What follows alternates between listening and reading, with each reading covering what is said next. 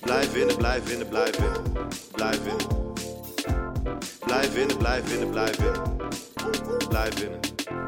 We zijn de kinderinkt-apen, alle losers willen naapen. Apenrotsprijs bereiken, boomapen kontje kijken. We zijn de kinderinkt-apen, alle losers willen naapen. Apenrotsprijs bereiken, boomapen kontje kijken. Kinderinkt-apen, kinderinkt-apen, kinderinkt-apen, kinderinkt-apen. Welkom bij de Inktaap podcast. De Inktaap is de jongerenprijs van de Nederlandse literatuur. Scholieren kiezen het beste boek uit de winnaars van de BNG Bank Literatuurprijs, de Boekspot Literatuurprijs en de Libris Literatuurprijs. In deze aflevering van de Inktaap podcast praat Oscar Kokke met de eerste genomineerde. Hij won de Libris Literatuurprijs 2019 voor zijn roman De Goede Zoon en sleepte daarmee een Inktaap-nominatie in de wacht. Rob van Essen. Ik had vandaag ruzie bij de kassa van de Albert Heijn in de Rijnstraat. Bijna ruzie, niet eens echt. De vrouw achter mij zette haar boodschappen al op de band toen ik nog bezig was mijn boodschappen op de band te zetten. Ik kan daar slecht tegen. Iemand maakt inbreuk op jouw ruimte, op ruimte die in ieder geval op dat moment van jou is. En ik weet ook wel dat je zo geen roman moet beginnen. Ik ben verdomme geen columnist, maar wit heet kan ik van zoiets worden. Iemand negeert je bestaan en alleen al daarom zou je haar ter plekke dood moeten maken. En tegelijkertijd was er niets aan de hand, omdat de vrouw zag hoeveel boodschappen ik nog op de band moest zetten en genoeg ruimte overliet. Geen enkel probleem dus. Je zou zelfs kunnen zeggen dat we gestroomlijnd bezig waren met z'n tweeën. Alsof we afgesproken hadden het afrekenen zo snel en soepel mogelijk te laten verlopen. Maar dan nog, je zou haar op zijn minst een harde duw moeten geven, of met een breed gebaar al haar boodschappen van de band vegen. Ik zag haar pot jam al uiteen spatten op de tegels. Je zou haar op zijn minst moeten kunnen aanspreken op haar gedrag. Maar ook dat kan niet, omdat ik weet dat ik dan niet uit mijn woorden ga komen. En ik kan wel thuis van tevoren dingen op schrift gaan stellen die je bij dit soort gelegenheden de ander moet toevoegen. Maar ook dan zou ik niet weten waar ik de superieure vanzelfsprekendheid vandaan moest halen om zo'n tekst met overtuiging te kunnen uitspreken. Ik ben niet iemand voor dat soort teksten. Ik ben niet iemand voor dit soort situaties. Ik ben te aardig, te meegaand. Ik zeg toch, ik had bijna ruzie. En in plaats van dat ik daar wat aan doe, heb ik die slappe meegaandheid van me alleen maar versterkt met het boeddhisme en die meditatiecursussen. Wat hebben al die pogingen om mezelf redelijkheid en compassie bij te brengen nu eigenlijk opgeleverd? Er heeft zich de afgelopen jaren in mij een kleine halfbakken boeddhist genesteld. Een kleine kale boeddhist in een oranje pij. Ik heb een vet gemest met meditatiecursussen en boeken en boekjes. En als dank doet hij me de onthechte glimlach voor waarmee ik situaties als die bij de kassa zou moeten begroeten. Laat het voorbij gaan. Het is woede. Niet jouw woede. Het is ergernis. Niet jouw ergernis. Je veroorzaakt je eigen lijden door gehechtheid aan je stemming. Ik zou de glimlach van zijn gezicht moeten slaan. Het liefst zou ik mijn vingers links en rechts om de randen van mijn ribbenkast haken, de boel uit elkaar trekken en mijn handen naar binnen steken om die kleine kale innerlijke boeddhist eigenhandig te wurgen, om zijn keel zo strak te omklemmen dat zijn hoofdje opzwelt en zijn oogbollen als kleine knikkers naar buiten schieten om stuk te spatten tegen de muur. Rob van Essen, welkom. Welkom bij aflevering 1 van de Inktaap podcast. Uh, we doen het nu op deze manier, allebei vanaf een plek ver van elkaar vandaan. We hoopten natuurlijk met honderden, misschien wel duizenden uitzinnige middelbare scholieren samen te komen, maar dat uh, zit er helaas eventjes niet in. Uh, Rob, jij bent mijn eerste gast hier in aflevering 1, want een van de drie genomineerden om die inktaap te gaan winnen. Je hebt natuurlijk een hele mooie prijs gewonnen, de Libris. Uh, je bent wel vaker genomineerd geweest voor prijzen. Maar hoe is het nou om genomineerd te zijn voor de Inktaap, een prijs van middelbare scholieren? Dat is uh, heel leuk. Het is volgens mij, het is de leukste prijs volgens mij. Het is echt, um, scholieren en studenten heb ik afgelopen jaar gemerkt, toen ik het land doorging nadat ik de Libris heb ge had gewonnen, is echt het, uh, het leukste publiek. Uh, het meest onbevangen, denk ik. En misschien ook wel het meest intelligent. Want de meest intelligente vragen kwamen toch eigenlijk van studenten en scholieren, moet ik zeggen. En, en uh, waaraan merk je de intelligentie? Wat, wat, wat vragen ze je? Wat, wat voor reacties krijg je? Nou, ze vragen bijvoorbeeld uh, dingen over uh, de kunstmatige intelligentie. en zo. En, eh, de, ik heb in het boek zo'n zelfrijdende, zelfsprekende, zelfverzorgende auto geïntroduceerd. En ze vragen zich bijvoorbeeld af hoe consequent, hoe consequent ik met kunstmatige intelligentie ben omgegaan in het licht van de huidige ontwikkelingen en de leerprocessen die kunstmatige intelligentie doormaakt en zo. Kijk, dat, dat krijg je niet uh, van, van, van, uh, van het normale literaire publiek, dat soort vragen. He, eindelijk. Ja. Jij, jij, valt helemaal op je plek. Ja, des te jammer dat het uh, nu niet live doorgaat. Maar wij gaan er het allerbeste van maken nu. Uh, weliswaar in isolatie, allebei op onze eigen plek. Maar dit wordt toch volgens mij een mooie aflevering. Uh, je zei dat er heel veel goede vragen komen vanuit leerlingen, vanuit middelbare scholieren. wij hebben er een aantal op een rijtje gezet. Zijn er ideeën voor het verhaal die de uiteindelijke versie niet gehaald hebben? De Goede Zoon is ingedeeld in verschillende hoofdstukken die weer verdeeld zijn over zeven dagen. Um, het geloof speelt ook een grote rol in het boek. Refereren die zeven dagen wellicht naar de zes dagen plus rustdag waarin God de aarde schepte, aangezien de dienst ook een soort leven creëert? Dit is een vraag voor Rob van Essen. Um, zou u de Goede Zoon anders hebben geschreven in deze coronatijd? En um, denkt u dat het boek nu actueler is geworden? Zo, we gaan het uh, hebben, Rob, over je boek De Goede Zoon. En uh, alle vragen die we net hoorden, die gaan daar ook over. En ik heb ook nog een hele hoop vragen. Maar eerst even kort een um, ja, beschrijving van het boek. Uh, we hebben te maken met een hoofdpersoon dat ja, eigenlijk alles uit zijn vingers voelt glippen. Hè. Zijn carrière als succesvol schrijver van plotloze thrillers is plotseling tot stilstand gekomen. Uh, na twintig jaar als goede zoon op bezoek te zijn geweest bij zijn aftakelende moeder is hij overleden. De wereld om hem heen is veranderd. Hij voelt zich een achterblijver uh, in een wereld die wordt overgenomen door, je zei het al, robots, zelfsturende auto's die bovendien ook nog uh, heel erg praatgraag zijn, zichzelf graag horen spreken. En hij wordt dan op sleeptouw genomen door een oude vriend. En eigenlijk is dat helemaal niks nieuws voor hem, want hij wordt zijn hele leven al een beetje op sleeptouw genomen door het lot. ook zijn werk als schrijver was nooit echt een bewuste keus. Um, nou heb ik begrepen dat dit boek een van jouw meest autobiografische romans ooit is. En dat brengt mij meteen bij de vraag: was bij jou het schrijverschap wel een weloverwogen keuze? Uh, ik weet niet of het wel overwogen is, maar ik heb eigenlijk nooit iets anders willen worden. Uh, mijn vader schreef, uh, mijn vader was hoofdonderwijzer en schreef christelijke jeugdboeken. en het eerste wat ik schreef, schreef ik ook op zijn typemachine toen ik een jaar of zeven, acht was. Dus ik, omdat mijn vader schreef, was het voor mij heel normaal dat boeken geschreven werden door mensen die dat dan gewoon s'avonds uh, aan het werk waren om te schrijven. Het waren geen abstracte dingen. En ik dacht, dat wil ik later ook. Dus uh, ik heb veel andere dingen gedaan, maar ik heb altijd wel willen schrijven. Maar het is bijna zo'n organisch iets bij mij dat het niet echt een weloverwogen keuze is geweest. En wat geeft het schrijverschap jou? Waar, wat, wat, waarom doe je het zo graag? Ja, het is, ik denk gewoon, het is mijn manier van leven eigenlijk. Um, ik denk als het schrijven mij morgen verboden zou worden, uh, dan zou ik ook daar onmiddellijk over gaan schrijven.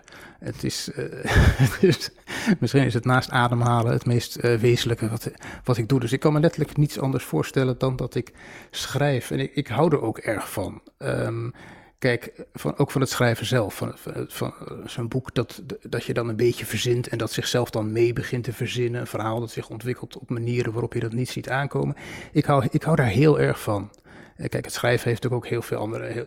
Het is ook iets wat zich in de buitenwereld afspreekt met verkoopcijfers en recensies en al of niet genomineerd worden. En dat kan, eh, dat kan veel stress opleveren en frustratie en ergernis. Maar het schrijven zelf, dat, daar ben ik echt heel erg dol op. Ja, er zijn veel vragen van leerlingen gekomen. Jesse, die vroeg bijvoorbeeld of, of je het schrijven van het boek van tevoren zorgvuldig plant. Of ja, je zei net al een beetje van het verrast je ook wel eens af en toe.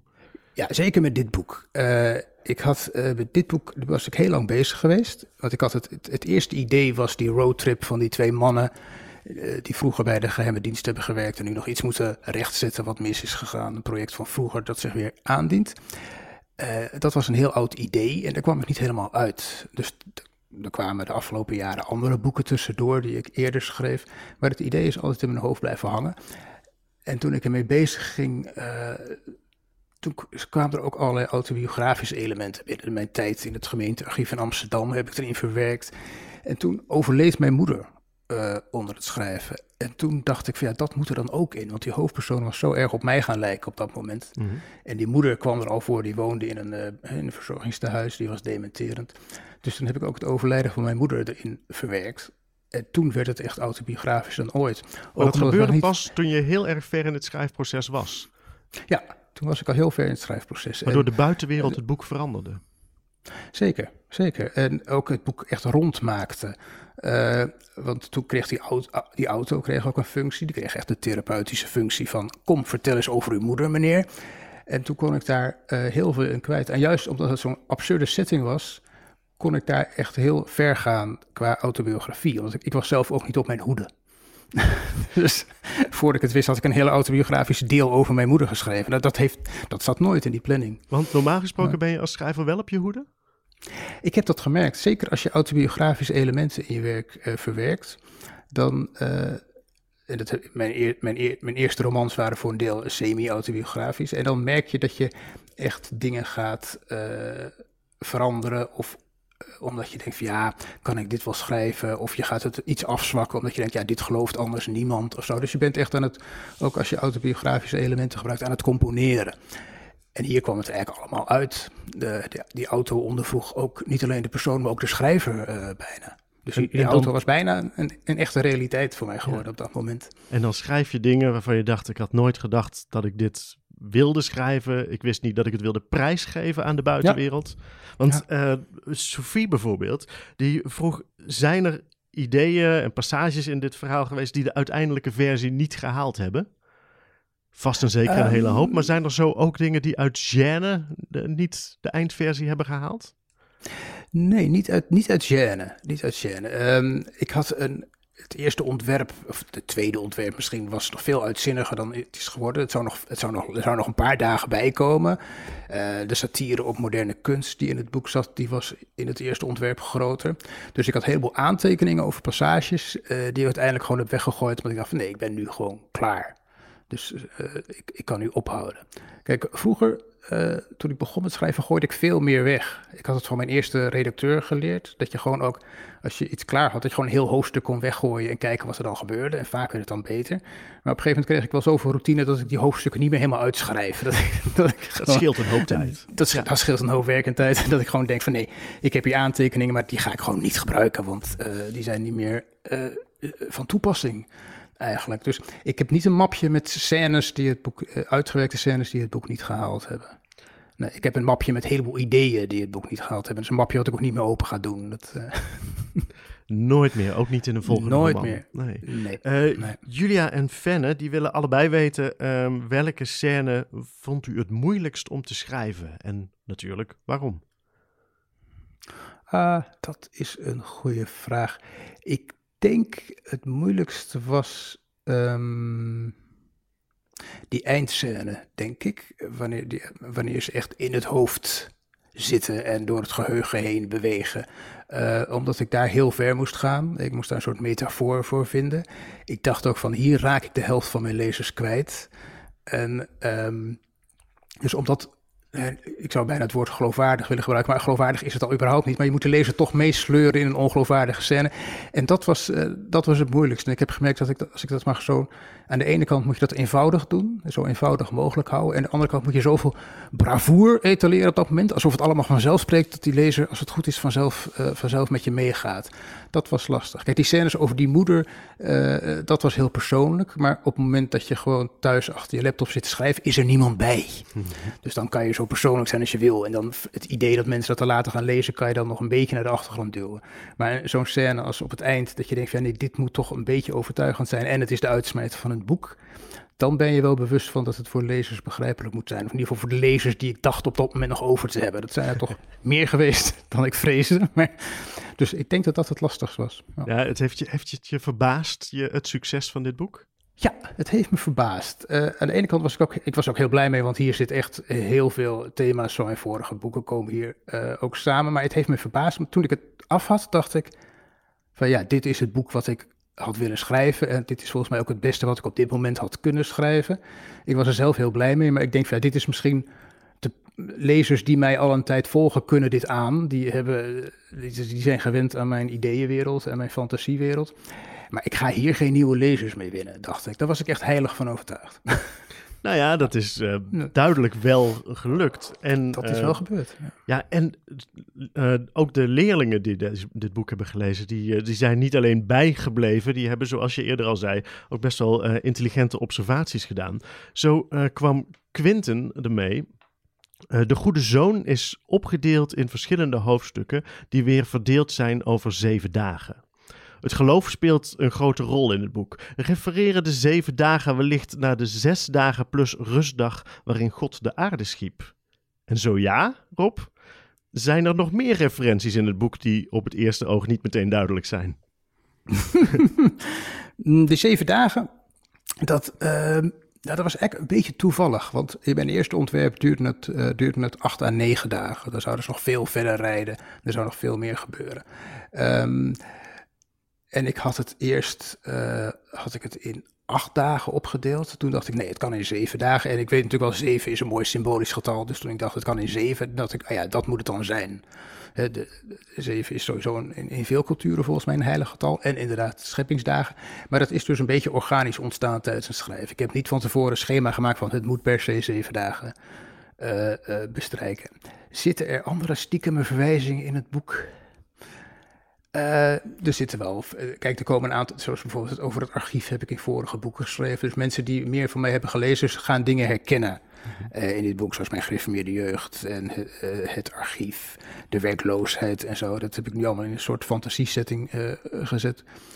En er zitten hier en daar volgens mij ook nog wel kleine verwijzingen naar bijbelteksten in. Mm -hmm. Maar ik heb, ik heb geen lijstje van verwijzingen.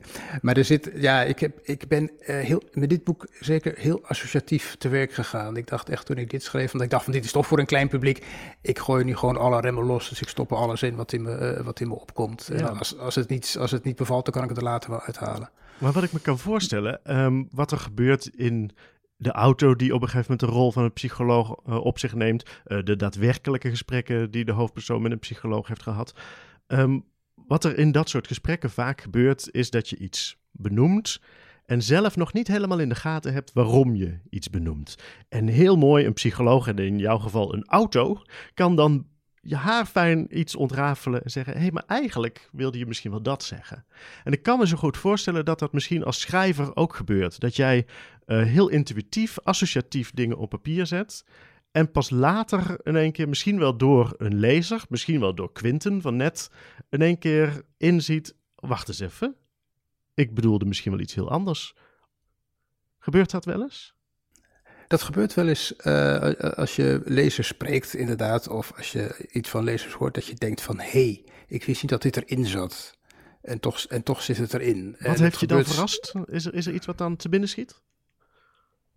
Het, is, nou het, is, het omslag schiet mij bijvoorbeeld binnen. Uh, ik had tegen de ontwerpster gezegd: ik wil graag een gele Amsterdamse tram uit de jaren 80 op het omslag.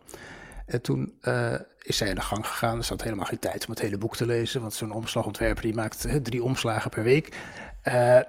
En die had dus een tram gekozen, lijn 6, die naar de remise ging. Dat stond er ook keurig onder, hè? lijn 6 remise. En dat was dus puur toeval. Maar daar dat hebben mensen ook heel symbolisch opgevat. He, naar de remise, naar het eindpunt. Lijn 6 is een lijn die ook niet meer bestaat. Die, die is opgeheven, dus dat past ook heel goed bij het thema van het boek. Dus en op het moment dat mensen dat als symbolisch zien, is het ook symbolisch. Ook al is het toeval. En zo zijn er, zo zijn er wel meer dingen uh, in het boek die mijzelf ook verrast hebben. En die ik zelf niet... Uh, er schiet mij natuurlijk nu op dit moment geen enkel voorbeeld van te binnen. Dat zul je altijd zien.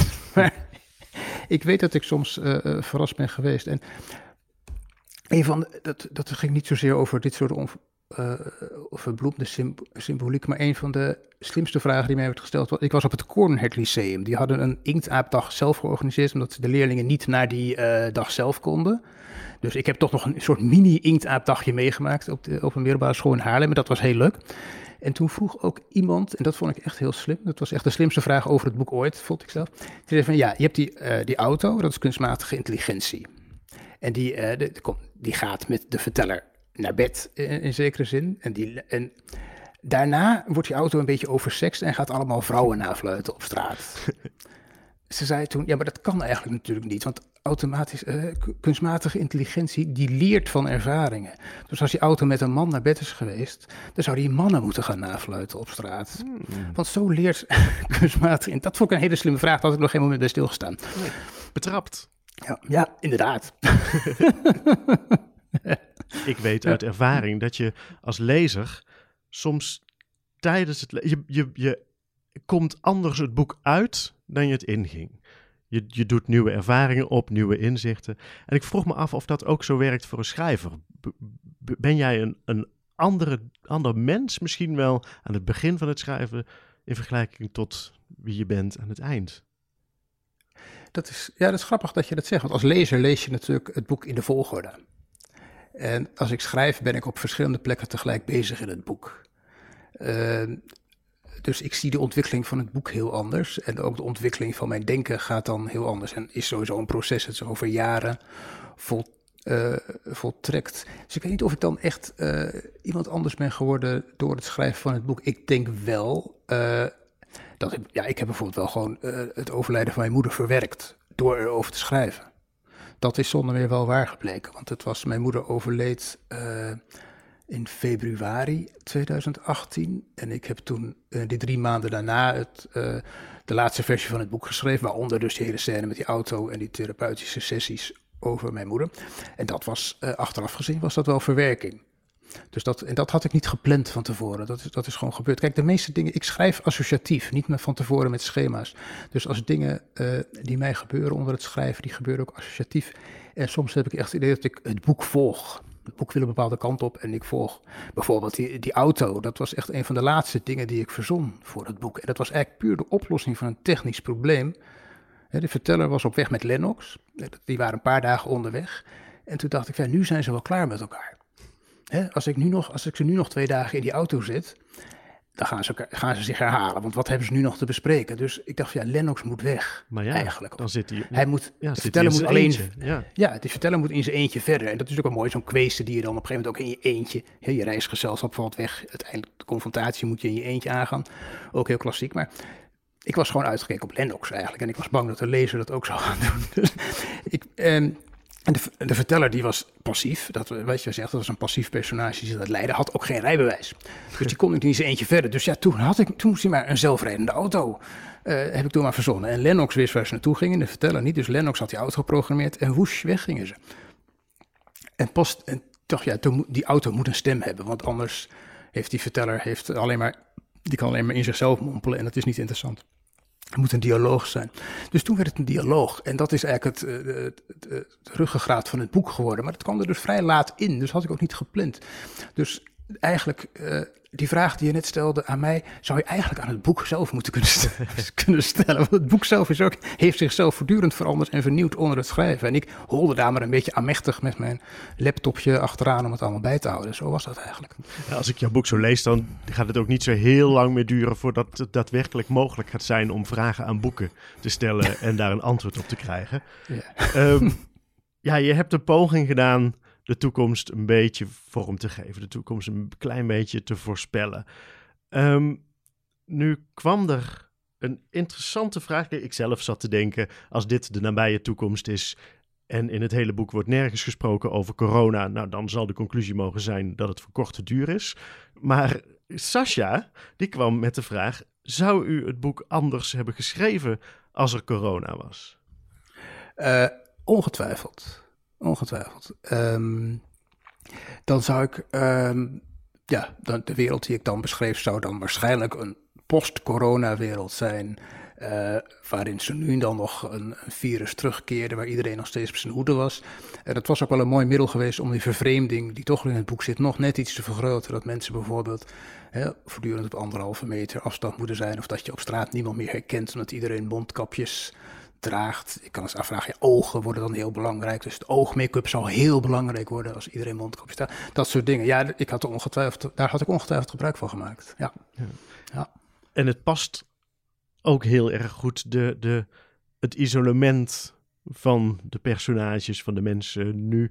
Maar ook, zoals in het boek, je hebt geen idee waar je naartoe gaat. En daarmee is natuurlijk die zelfrijdende auto in zichzelf al zo'n enorme metafoor. Je stapt in een wagen, je geeft je over richting de toekomst. En uh, waarheen, we weten het allemaal niet. Ja, ik heb toen, uh, want soms als je schrijft, schiet je ook liedjes te binnen. En ik weet toen ik die scènes met die auto. Niet waarheen waarvoor. nee, nee, nee, nee, nee. Uh, van de Talking Heads, uh, We're on a Road to Nowhere, uh, schoot mij toen te binnen. Dan ja. trap ik me op een gegeven moment dat je onder de afwas opeens dat nummer zet te zingen. En denk ik, hoe kom ik hier nou weer bij? Oh ja, ik ben die scènes aan het schrijven.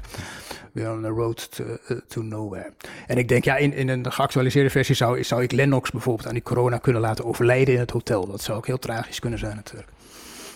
Je zegt het bijna met, met zijn sadistisch plezier. ja, want je bent als schrijver moet je natuurlijk ook sadist zijn voor je personages. Dat, dat moet. Je moet ze, je moet ze echt uh, kunnen laten struikelen. Je moet sterker nog, je moet zelf je been uitsteken om ze te laten struikelen. Dat is, dat, je moet echt heel hard kunnen zijn als, uh, als schrijver.